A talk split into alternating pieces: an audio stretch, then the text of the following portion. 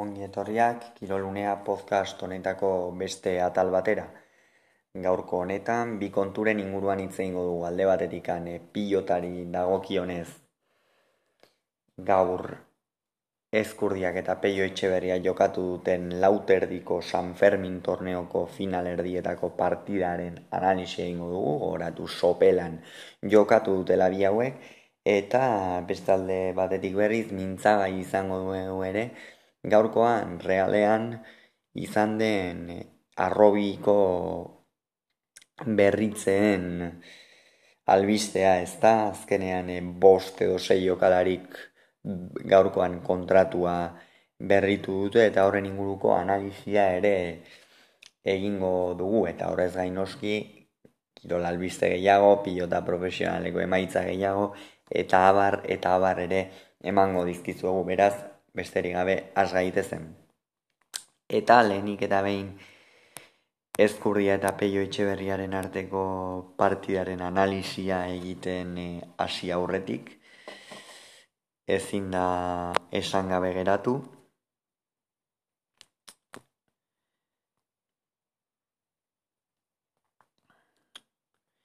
Sopelako lehen partidan Elezkano eta Martija eta Elordi eta Zabaleta aritu direla, garaipena.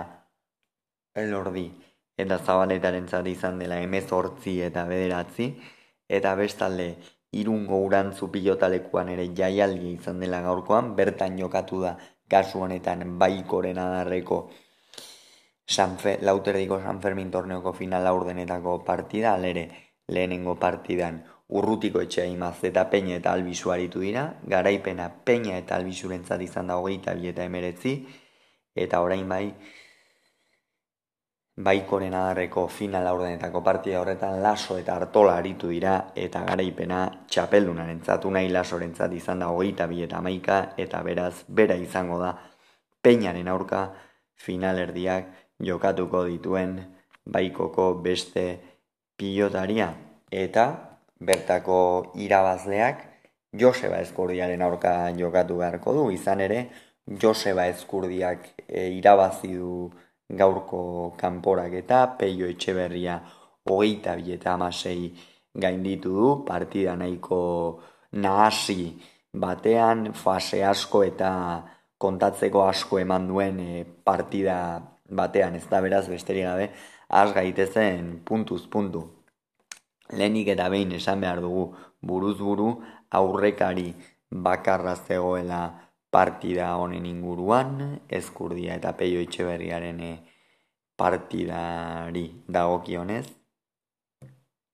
Bertan, atano iruarenean izan zen joan zen urtean, eta bertan ezkurdiak hogeita bi eta amabost gainditu zuen peio etxeberria e, bestalde iruaren eta laugarren e, postuko partida bat ere e, izan zen, aurtengo txapelketan hain justu ere.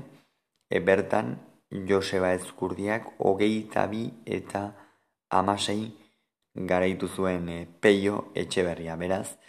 Aurrekari guztia Joseba edo zeuden bi aurrekariak peinik behin Joseba Ezkurdiak zituen irabazita eta gaurkoan ere favorito argia zen, arbizuarra eta pronostikoak bete egin ditu, ez du esango erabat, ba bueno, partida nahiko trabatua izan delako, ez da?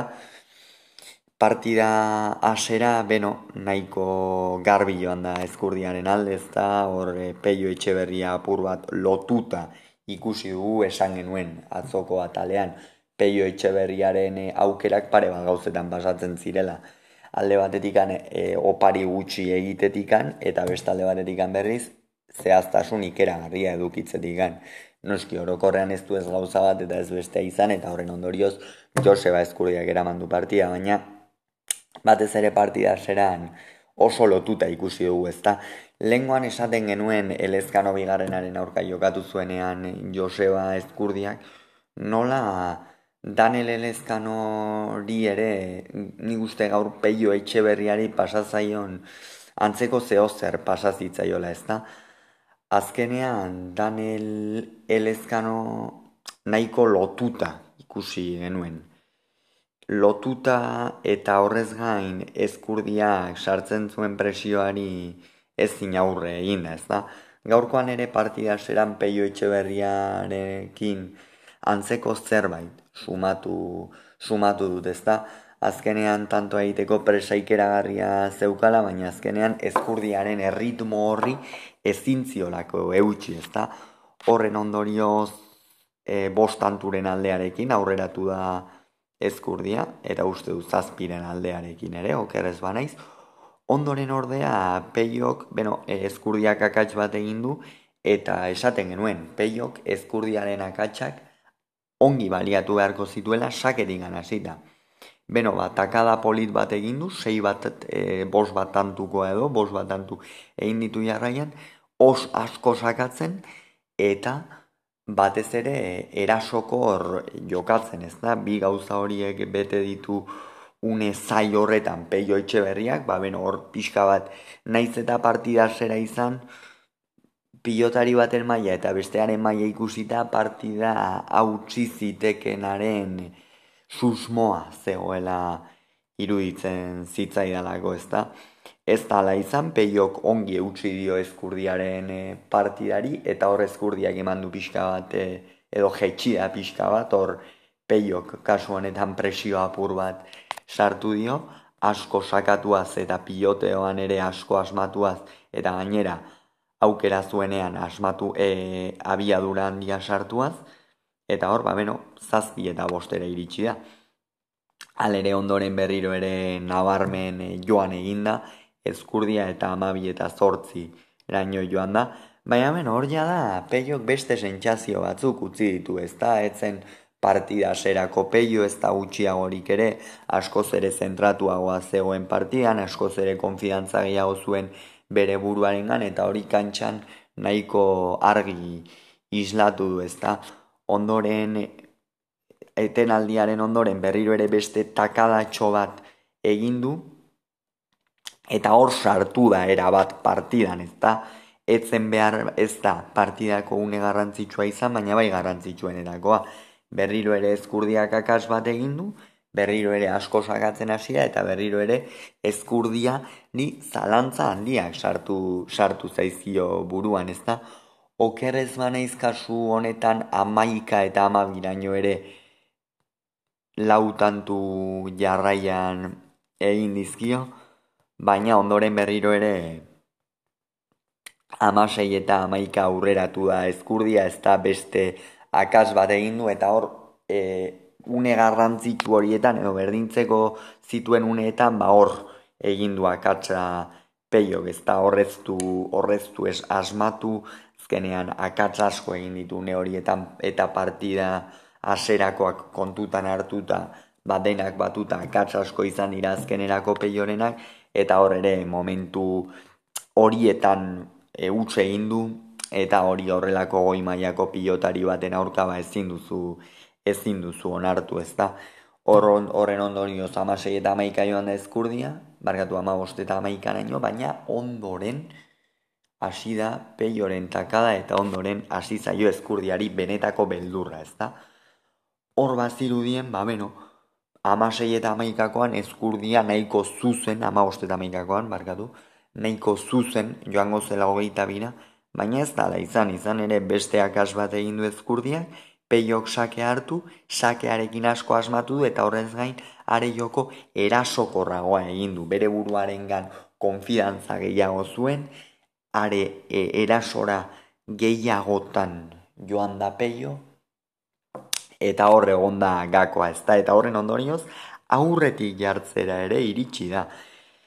Hor ezkurdia erabal lotuta zuen ezkurdiak ezin zuen, asmatu ezin zuen tantoa mendean hartu eta dena partidaren nagusi jaun eta jabe peio zen, une horretan. Eta hor, zen pe, peioren momentua, baina baita ere ezkurdiaren momentua zuhurtziaz jokatzeko. Eta azkenerako bere izar sen hori, une garrantzitsu horretan atera du. Bai, amasei eta amabost aurreratu da peio, baina aurrengo zazpitantua jarraian ezkurdiak egin ditu. Beste akas bat egin du peio, orduan ezkurdiak sakea hartu du, ezkurdiak esan du zuzen zuzen hemen ezin diat akatsik egin, den ezin erregalorik egin, eta alaxe izan da, ez du erregalorik egin, peiok ez bezala, eta azkenerako, hortxe iritsi da, hogeita bira Joseba Ezkurdia, eta bere izango da, San Fermin torneoko finalean asperen ordezkaria. Gakoa hortzen egon da oparietan. Espero zen bezala oparietan egon da gakoa. Peiok gehitxo oparitu du. Naiz eta une askotan ezkurdia ataka estuan jarri duen akas gehiei egin ditu eta horrek ez dio betarik eman hogeita bire iristeko. Alere une askotan hau zapore oso nautzi du peiok, eta horrekin geratzean iguste onena, onena izango dela, ezta? Hau izan da beraz partida honen inguruan esan behar genuen e, guztia orain guazen frontoietatik futbol zelaietara izan ere realak gaurkoan kontratu berritzen eguna izan du. E, are gehiago esango du arrobikoen kontratu berritze eguna oso oso egun e, garrantzitsua gaurkoa realarena, merkatua iregitzen zen e, egun honetan, ba, bueno, realak hortxe atera du bere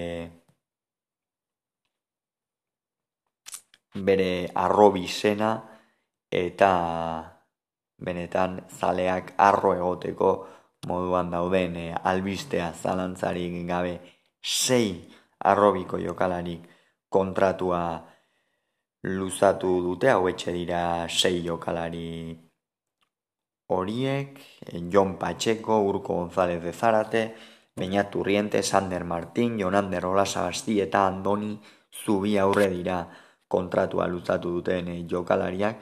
Eta orain zen pixka bat kontratu berritze horien garrantzia esatera ez da azkenean jokalari denek ez duten oski rol berdina edukiko lehen taldean, zeintzu diren euren kompetentziak, zer egin duten orain arte lehen taldearekin, zergatikan uste dudan realak konfiantza duela jokalari hauengan, eta bar, eta bar, beraz, goazen horrekin. Eta lehenengoa, Jon, Jon Pantxeko da. Beno, Jon Pantxeko e, infantietan iritsi zen e, realera, bastandarra eta e, beno e, hortikan aurrera ba 2000 emeretzi 2000 hogei denboraldian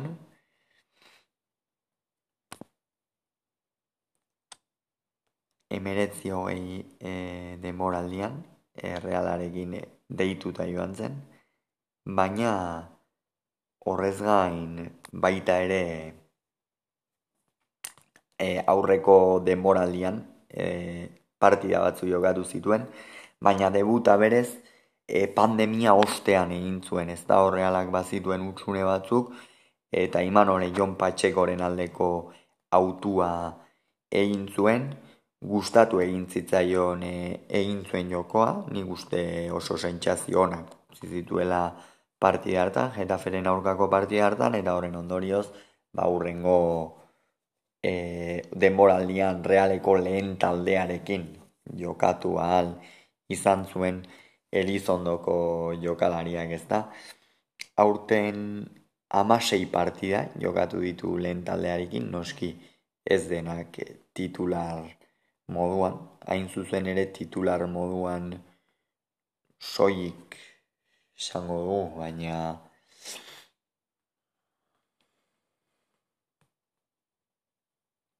Real Madriden aurka jokatu zuen, egun horietzen bere egunik onena izan, Bernabeun, bigarren partida zuen titular moduan Getafekoarekin, e, e, Getafekoa kontutan hartuta, baina beno, e, iruditzen zait realean hemendikan urte batzutara oso garrantzitsua izango den erdiko atzelaria izango dela realak egia esan nahiko ongi babestua du.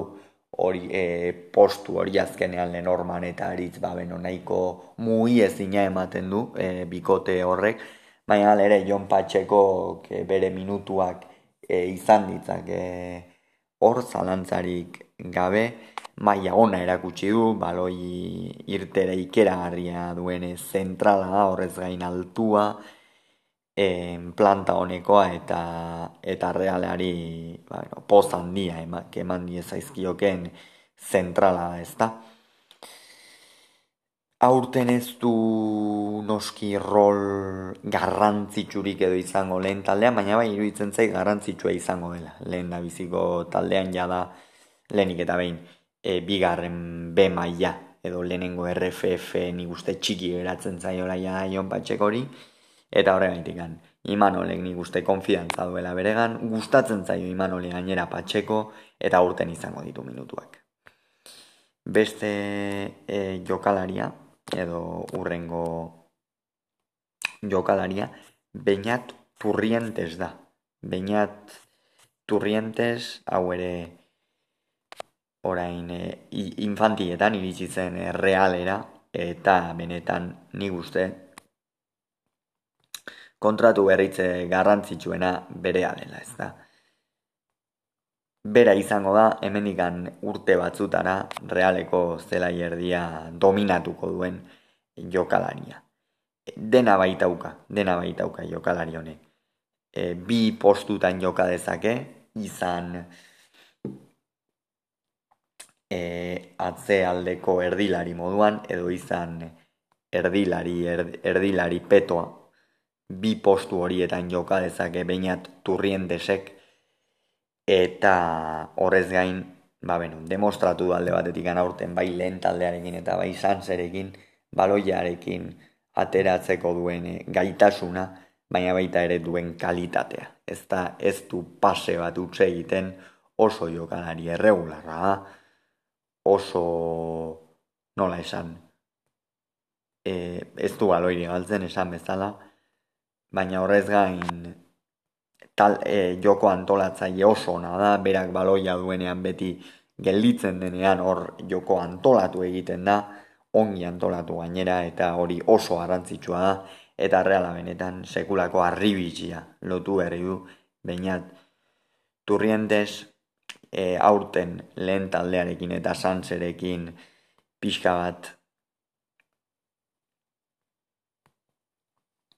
e, alternatzen edo e, aldatzen ibili da. Eta ba bai eia lehen taldearekin asko jokatu dela baina nik uste san segeratu den bezala. Baina baina turrientesek lehen taldearekin eduki zituen deialdi horietan sansen egongo balitz sanse nik uste ez dakit bigarren maia baina bigarren maia mantentzeko aukera askorekin egongo zela. E, baina turrientese beste dimensio batean jokatzen duelako eta hau bai urren urtean oso oso oso jokalari garrantzitsu izatera deituta dago. Bestalde, Urko González de Zarate. Urko González de Zarate, ba, bueno, lehen taldearekin ere jokatuak ditu partida batzuk, oker ez banaiz Valentzian jokatu zuen e, 2008 oitat e, demoraldian. E, berrogeita 6 minutu jokatu zituen hain zuzen ere Valentziaren aurka imanolek konfidantza eman zion, ba, bueno, e, erdiko, erdiko atzelari bat, erdiko e, atzelari petoa ez, izan ere batzutan ere e, zela erdian jokalezake, baina gehienetan. Erdiko atzelari moduan, e, gorputz, aean, gorputz ikeragarria duena, altua, baloi irtera ona duen jokalaria, eta, ba, beno, Sansen ere aurten maila ona erakutsi duena eta nik uste merezitako kontratu berritzea egin diola realak ez da. Orain ikusi behar da ea, ez zaitiru itzen urrengo urtean behar bada turrientesek eta patxekok edukiko duten garrantzi aina izango duenik e, urkok, baina nik uste lanean jarraitu behar duela, orain arte egin duena ongi egin du eta ea ea zorterik onena, opa dio urkori, eta beste kontratu beharitze oso garantzitsua noski. Bestalde, Ander Martin, Ander Martin ere, ba beno, aurten, e, ni uste aurten gehien bat, e, deskurritu den e, jokalaria, e, oso jokalari e, polibalentea, postu batea baino gehiagotan joka dezaken jokalaria, e, joka dezake bai e, muturreko, aurreko muturreko posizio horretan jokalezake baita ere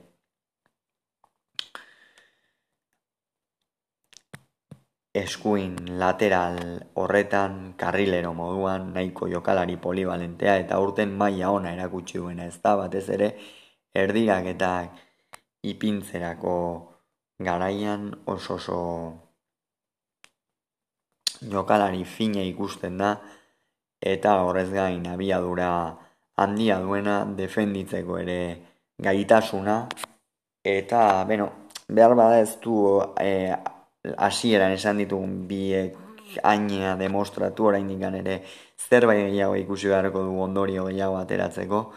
Esan bezala ez du ez du badakit e, patxeko eta turrientese gaina protagonismo izango lehen taldean, baina bueno, nik uste oraindik ere hau sansen geratuko dela lehenengo RFF-en, baina ikusiko ikusiko duea, zeiru itzen zait imanolek ere konfidantza edukiko duela beregan.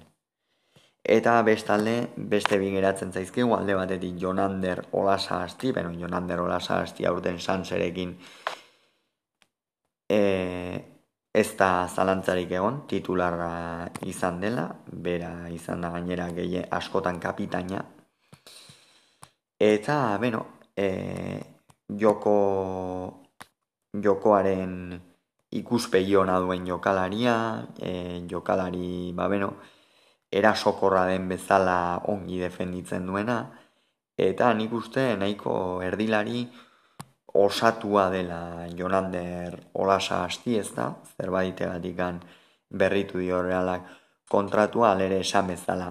Ez dut uste protagonismoan izango duen ikurren urtean, zerbait bai, zerbait bai, baina hau orainik ere sansen geratuko denaren susmoa dut alere imanolek tarteka kontatuko du erekin.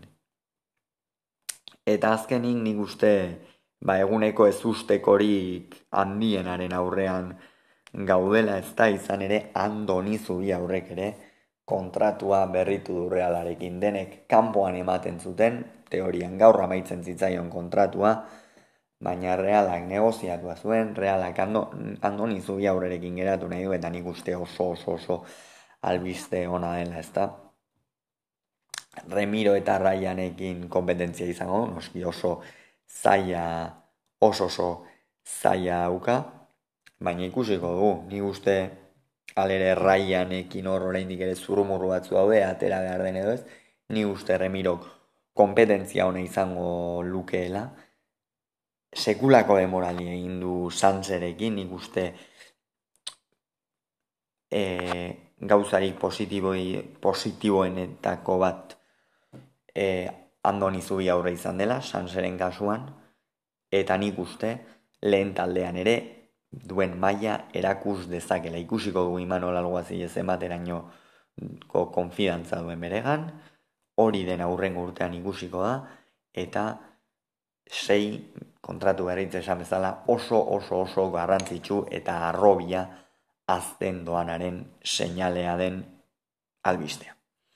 Hau izan da beraz gaurko esateko genuen e, guztia gogoratuko dugu gogoratuko du gaur hasiela Frantziako turra Kopenhagen erlojupeko batekin eta garaipena lanpa ertentzat ips, lanpa ertentzat izan dela bigarren, bana erti izan da bos segundura, irugarren, tadei pogatxar, zazpira, laugarren, filipoan amarrera, bosgarren, Matthew Van Der Poel amairura, seigaren, Mas Pedersen amabostera, zazpigaren, Jonas Bingegar amabostera, zortzigarren, Primoz Roglic amaseira, galdu du gaurkoan Roglicek, bauke mole behatzi garen amazazpira eta teuns amargaren hogeira. Bestalde Euskaldunei dagokienez, Jonathan Castro viejo izan da gaur Euskaldunik onena, hogeita seigaren, hogeita amasei segundura geratu da, gorka izagirre hogeita emezortzi garen izan da berrogeita seira, eta gainontzekoak, eta jon izagirre laro eta amabigarren minutu eta zazpira, beno, hor Castro Viejo eta go, e, gorkarekin e, izan beharko dugu erreferentzia edo ez da egin dola esan, hogeita emezortziaren izan baita gorka, berrogeita sei segundura, eta hause izan da, gaurko esateko genuen guztia, bihar ere Euskola Beligasiko da raunean, horren inguruko zerak e, sailkapenaren inguruko nondik norakoak ere emango dizkizuegu, bitartean ongi izan agur.